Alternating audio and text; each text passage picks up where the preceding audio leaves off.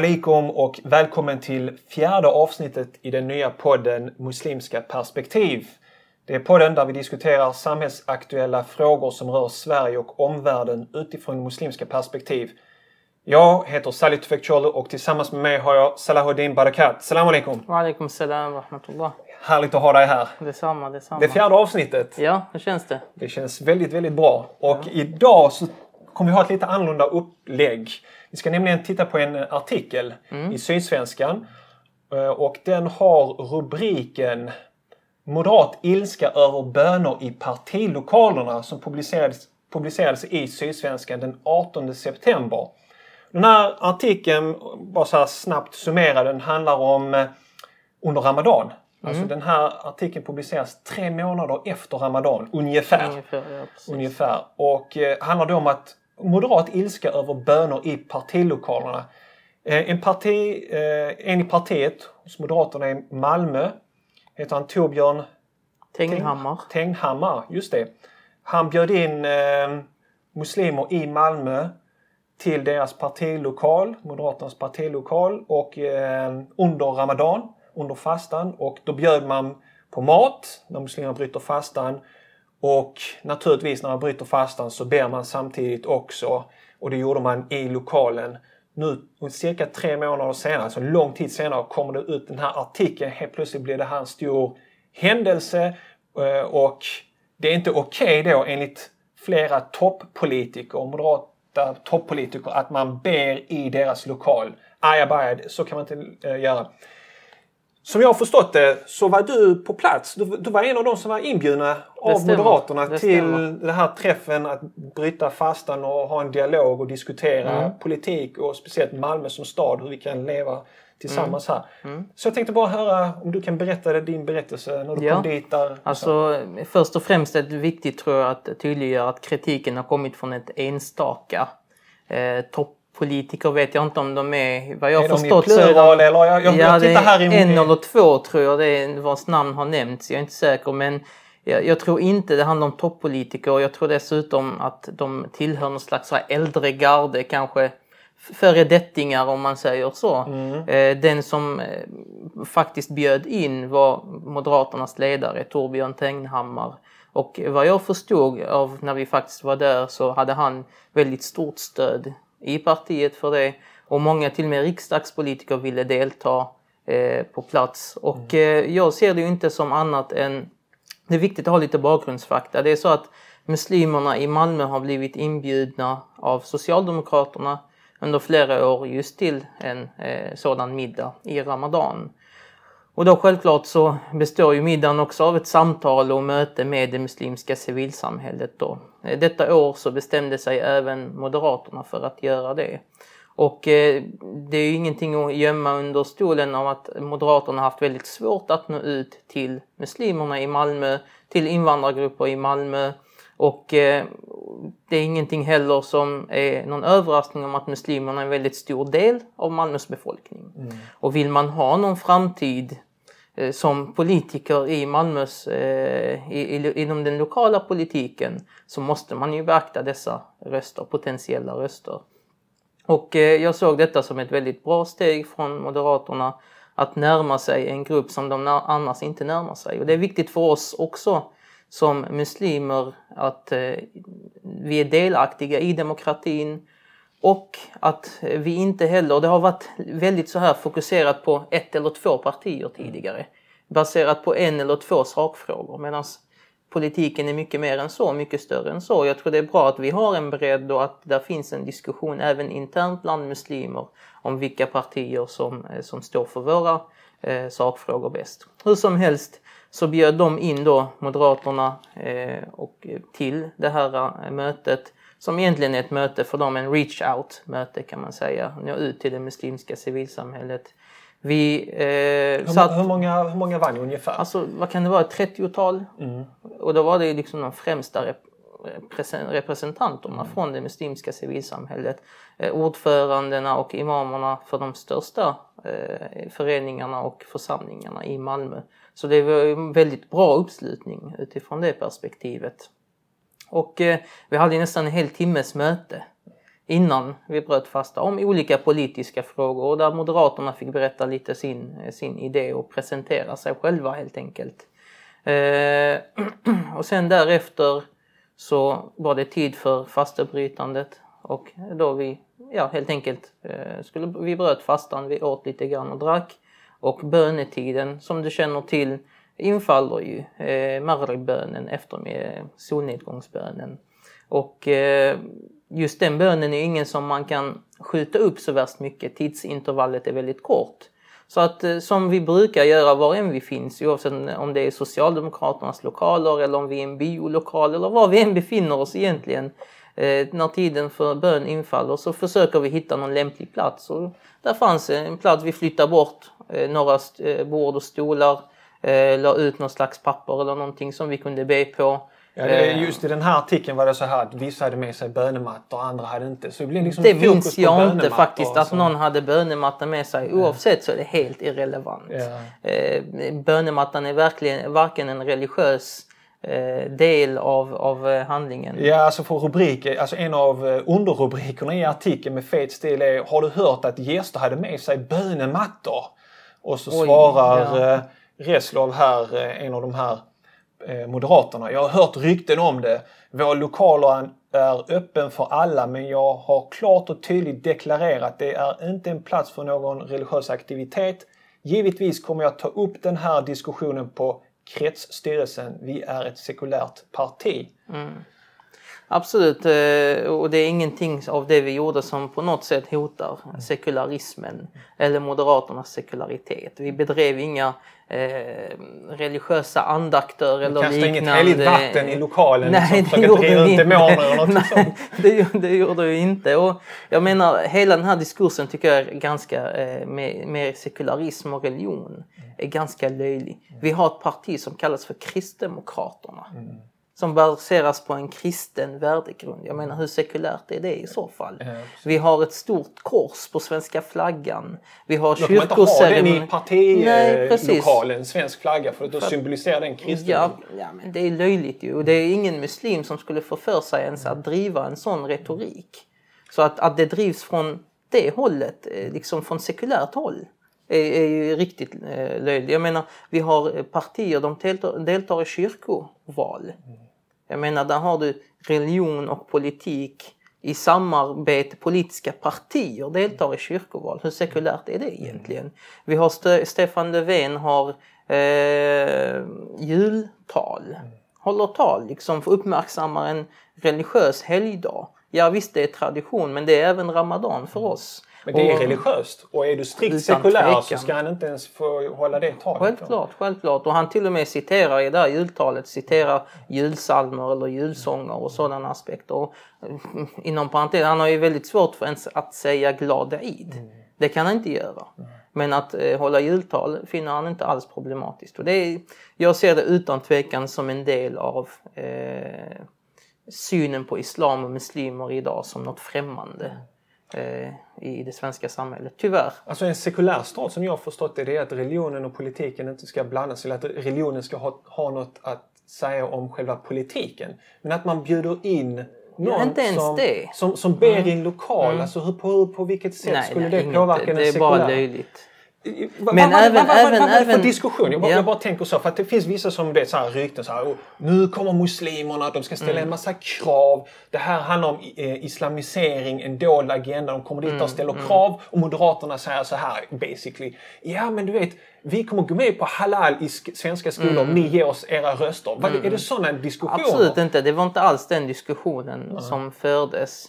Även om jag inte ens ser en sån diskussion som problematisk. Mm. Vi är också medborgare. Eh, och vi har också våra rättigheter, demokratiska rättigheter och har rätt att ställa krav. Mm. Utan tvekan. Eh, varför skulle det vara problematiskt i en demokrati? Särskilt om man talar för öppenhet, särskilt i ett liberalt parti. Sekularismen betyder att staten ska inte favorisera en religion över annan, ska inte ha en religiös Eh, profil eller liknande. Mm. Inte att inte religion får finnas i samhället.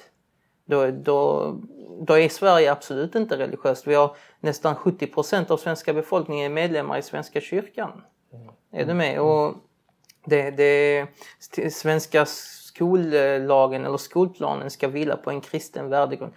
Självklart, en del sekularister försöker vifta bort allt det med att detta är tradition. Ja, men vad är tradition och vad är religiöst och när blir saker och ting? De är, det är väldigt tydligt kristet i alla fall. Så att, eh, och vi som muslimer har ju inte egentligen något problem med det men vi är nu en del av Sverige. Sverige ser inte ut idag som den gjorde för 50 eller 100 år sedan.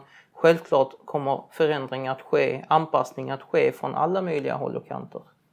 Eh, någonting mm. som lyfts fram i den här artikeln, jag vet att du är kritisk mot den här artikeln, mm. du kan också eh, ta, lyfta fram det. Men den personen som intervjuas i den här av alla de muslimer som bjöds in, då, det man lyfter fram det är Bezat Bekirov från Islamic Center i Malmö. Eh, han citeras här att han säger så här. Jag gick inte in i det rummet, mm. det vill säga det rummet där man bad. Jag tycker inte att bön hör hemma i politiska lokaler. Men mer än hälften av gästerna gick in och bad. Jag skulle säga i princip alla gick in och bad. Mm. Till och med imamen som jobbar hos Bezat. Ja, just det. Var med och bad. Ja. Så det är lite komiskt. Ja. Hur som helst så Men vad, vad tycker, tycker jag... Om, vad tycker du om det här? Alltså, jag tycker inte att bönen hör hemma i politiska lokaler.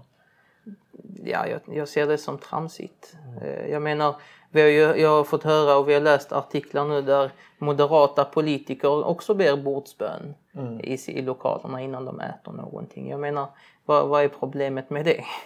Eh, jag tror Skadar det, har, det någon? Ja, eller? Nej, jag tror det har med annat än det att göra i grund och botten. Vad tror du att det har med att göra?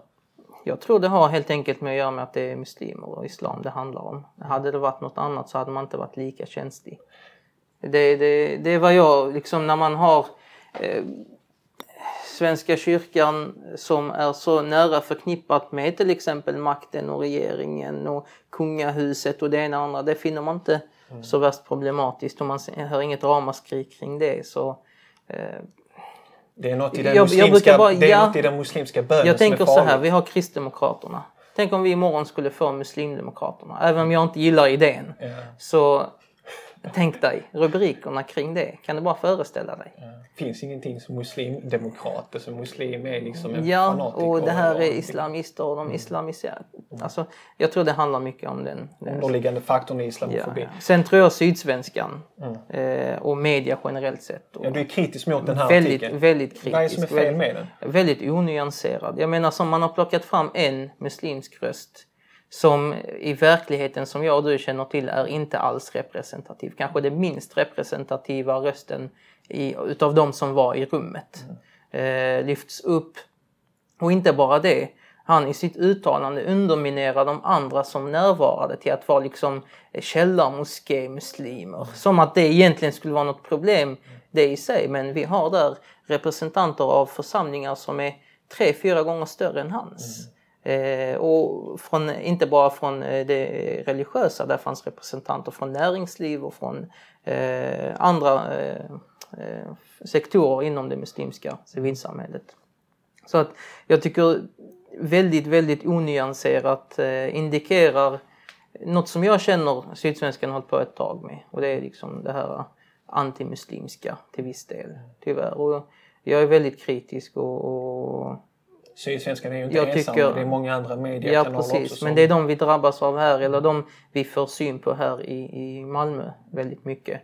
Och man pratar ofta från deras håll just om liberalism och öppenhet men den verkar ta slut när man talar om muslimer och muslimers delaktighet väldigt ofta. Men jag, jag, när jag läste det så först så tänkte jag varför är det här en nyhet? Varför ska det vara problematiskt att muslimer ber i en partilokal?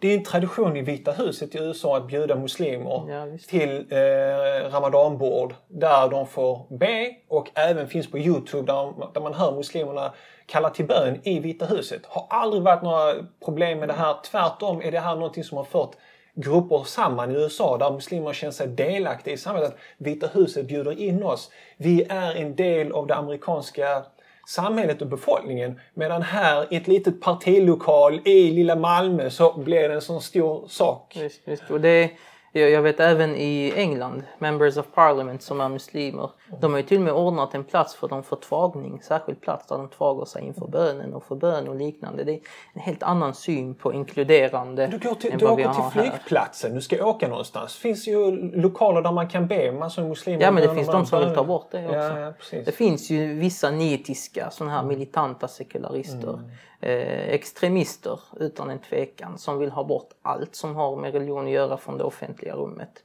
De hade säkert, om de får välja, rivit ner kyrkoklockor och korsen och det ena och det andra. Så att, och, och tyvärr har det ju varit eh, även i en del av de så kallade muslimska länderna, alltså i Mellanöstern liknande, har ju haft sådana regimer också eh, ett tag där man förbjuder yttre tecken på religiositet, slöjan och liknande. Så att eh, det är inte bara ett svenskt problem men jag tror att eh, trenden idag eh, går åt det hållet. Och kollar vi vad som händer i Danmark så är det ju ja, det är en helt annan grad.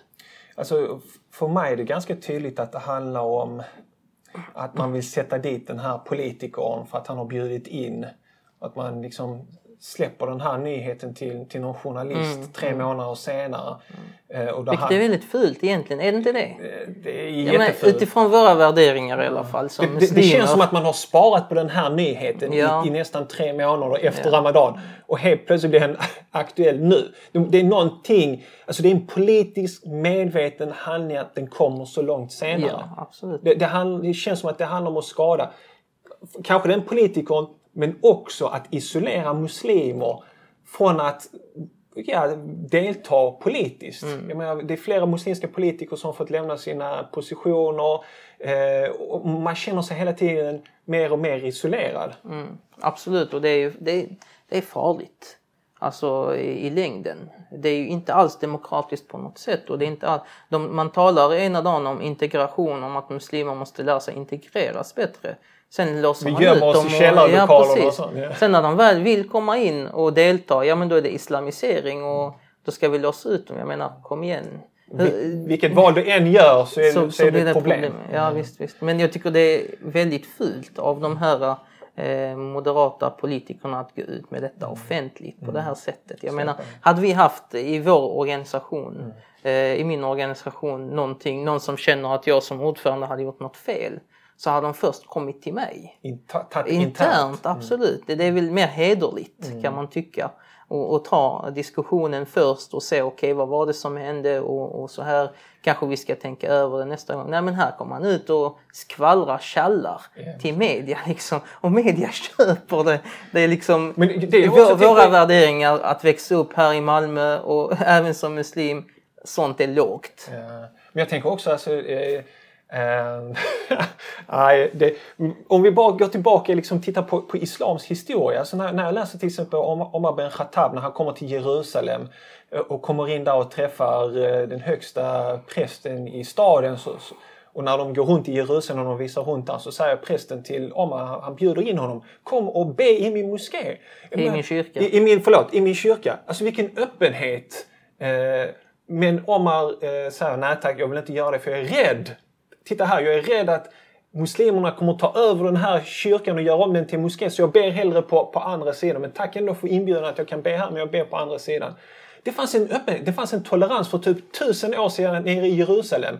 Vi befinner oss i år 2000 och sån intolerans på grund av en sån totalt löjlig slag som, sak som eh, en Men jag bön i tror- en lokal. Jag tror i, i Mellanöstern så finns det, även om vi nu tyvärr ser en manifestation som jag anser utan tvekan är väldigt modern. Eh, där intolerans eh, råder och, och man hetsar mot kristna och man eh, efterföljer och, och vad heter det, utsätter dem för massakrer och liknande. Den delen vi förnekar inte, vi fördömer det starkt. Men om vi kollar rent historiskt så har den muslimska världen varit historiskt sett utifrån den kontexten väldigt tolerant. Jag menar hur många vet att i muslimska länder har det varit och fortfarande funnits och finns kristna domstolar, judiska domstolar.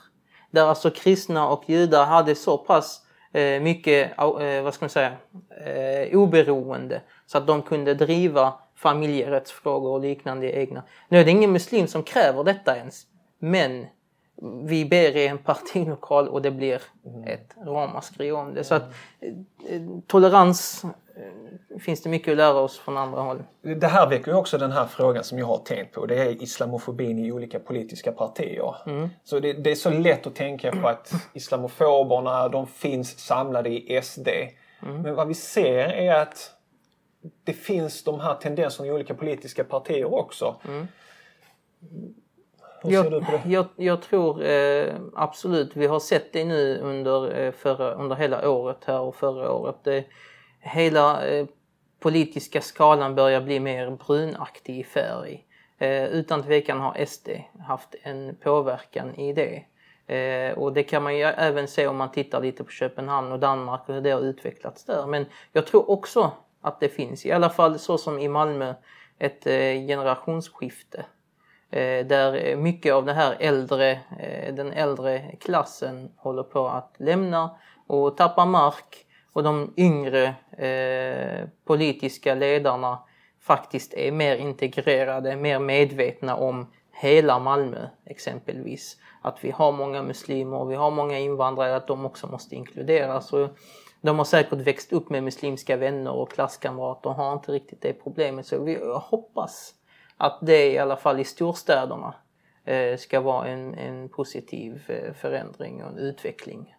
Absolut, för jag, jag tänker ju på till exempel Vänsterpartiet med Kakabaveh som släppte ut den här Mm, Youtube-videon om Somalia och eh, partitoppen. Liksom det här är inte okej men hon ska inte lämna partiet. Mm, De höll henne kvar fastän hon är väldigt islamofobisk i sin retorik för övrigt också. Det är inte bara den här videon. Men Mm, jag- får se.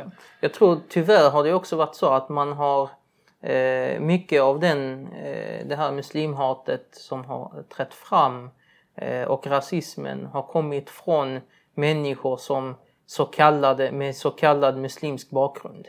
Som att det ger dem någon rätt att vara antimuslimer bara för att de har haft en muslimsk bakgrund. Jag menar, det finns judar som är antisemiter och uttalar sig antisemitiskt också.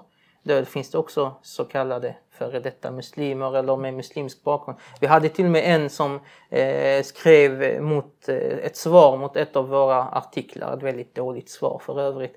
Eh, och så skrev hon sig, presenterade hon sig som eh, bla bla bla, hennes namn med muslimsk bakgrund. Jag menar för, att poängtera det, för att Att hon är kunnig och lärd på Ja, något sätt. på något, jag menar jag har ingenting. folk som inte ens har muslimsk bakgrund utan som är muslimer som kan väldigt lite om islam. Så, så, så jag menar de här som har så kallad muslimsk bakgrund. Det, eh, men man, man lägger fram det som ett slags skydd. Att okej, ja men hon kan inte vara rasist. Hon är ju muslim själv. Hon är själv eh, färgad eller själv från en sådan bakgrund. Och, vi köper inte det självklart. Och, och vi hoppas att de rösterna, de rösterna har tappat mark. Det märker vi. Och vi hoppas att de tappar ännu mer. För det är rös- röster som vill driva en eh, diskurs av polarisering och osämja i samhället istället för att brygga och, och, skapa sämja. Och mina tankar går till profeten Muhammed över honom var Guds frid. När han befann sig i Medina och det kom en delegation av kristna från Jemen som ville ha en religiös diskussion med honom. Kristna då.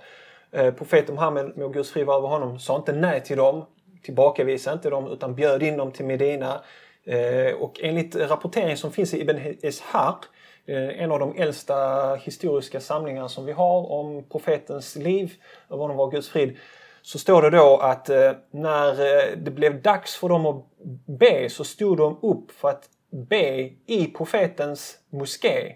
Och budbäraren, budbäraren sa låt dem be och de bad mot öst. Mot Jerusalem. Mot Jerusalem. Det här är en väldigt intressant eh, rapportering som vi har här. Det är självklart, Ibn Ishaq är ju inte allting autentiskt och så här. Nu har inte jag kontrollerat denna, just denna eh, rapportering men det är ändå en intressant, den finns där i källorna. Ja, precis. Och att profeten Muhammed sen tog emot dem i Medina för att ha en, en diskussion. Jag menar om du ska ha ett samtal med någon så måste du liksom du kan inte säga jag ska ha ett samtal med dig men du kan lämna din bönematta och din islam hemma. Och Lämna dig kan, själv, en del av dig själv Ja. hemma med andra ord. Ja, men det är det, man där som säger. religionen är min privat, alltså religionen är en privatsnack, en privat sak, vilket är bara snack. Mm. religionen är en del av mig och den påverkar mitt liv och mitt sätt att vara. Det, Det, det har ju mycket tror jag med den historiska, de historiska aspekterna och just att eh, Sverige har varit protestantiskt väldigt länge. och att man har utvecklat någon slags eh, syn på religiositet om att det just är en privatsak som man på något sätt kan hålla undan. Eh, Medan vi, när man börjar, de som är religionsvetare och forskare vet att det inte är så. Även människor som idag kallar sig för ateister och sekulära är påverkade av kristendomen fast de inte vet om det. Genom sin kultur, genom sin tradition, eh, uppfostran, uppfostran precis, så, så är ju hundratals års kristen närvaro utan tvekan en påverkan i svenska lagen. Och jag, det ska komma någon rapport, eller det är någon som ska forska har jag för mig nu, eh, om just kristendomens påverkan på svensk lag. Det kommer att bli väldigt intressant Absolut. Eh, läsning. Jag tror det finns mycket mer än vad vi är medvetna om. Ja, absolut, absolut. Eh, det fanns en läsare som läste den här artikeln i Sydsvenskan som heter, ska vi se, han heter vad har hans namn här längst ner? Jonas Henriksson. En läsare från Sydsvenskan som mm. irriterar sig på den här artikeln också. Mm, mm. Eller över de här moderata politikerna. Han skrev eh, så här, rubriken lyder. Oftast är det journalisterna eller tidningen som lägger till eh, rubriken. Moderata moralpoliser irriteras av bön. Intressant eh, rubrik. Ja. Det här med moralpoliser. och han nämner det här Eh, det är egentligen inte en unik fråga om politik och religion. Hela Svenska kyrkan är ju partipolitiskt styrd. Där till exempel Socialdemokraterna största partiet idag. Men han säger då eh, också här i, den här artikeln, eh, nej go vänner, detta är inte smygislamisering av Sverige, tagga ner. Nej, det är det ju inte. Alltså, det är, om man kollar till, till procentuellt sett, om man skulle kolla relativt sett till hur många muslimer som finns exempelvis i Malmö eh, av invånare. Sätt det i relation till hur många som finns i ledande positioner i exempelvis stadshuset, bland politiker, bland tjänstemän. Mm. Och så kan jag garantera dig att vi är väldigt underrepresenterade. Och det är i sig ett bevis på att det absolut inte sker någon islamisering. Tvärtom. Det, det som finns idag är snarare att man låser ut Eh, muslimer. Att de inte är lika delaktiga i den politiska processen. Inte bara att det är andras fel utan det är även mycket vårt fel. Det finns ett väldigt lågt engagemang eh, från muslimers håll gällande rösta, eh, att man inte röstar så mycket, man inte deltar i det politiska, man visar inte intresse. Men jag tror att det är på väg förhoppningsvis, förhoppningsvis på väg bort mm. med generationsskiftet. Många av våra föräldrar kände sig inte riktigt som svenskar och hade ständigt liksom ögonen på hemlandet och följde de nyheterna och följde de eh, ut, utvecklingen där nere. Och kan tänka sig att åka andra sidan sundet för att rösta på, i hemlandet. Men inte åka ner och rösta här, här, lokalt. här lokalt. Är du med? Med den politik som påverkar dem direkt. Liksom. Precis. Eh, och jag tror det finns en stor förändring eh, som sker där.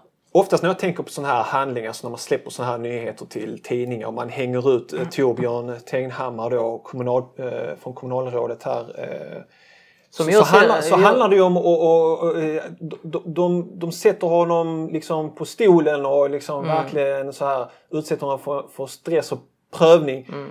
Eh, och, och nästa ramadan, nästa mm. ramadan då, då, kommer han tänka, ska jag bjuda in muslimer eller kommer det bli sånt här skriveri och kommer det bli ännu större mm. denna gången? Det finns alltid en risk att han tänker, nej jag hoppar över denna gång. Och det är det jag tänker på att det isolerar muslimer mm. mer och mer. Vad skulle du ha för råd till Torbjörn?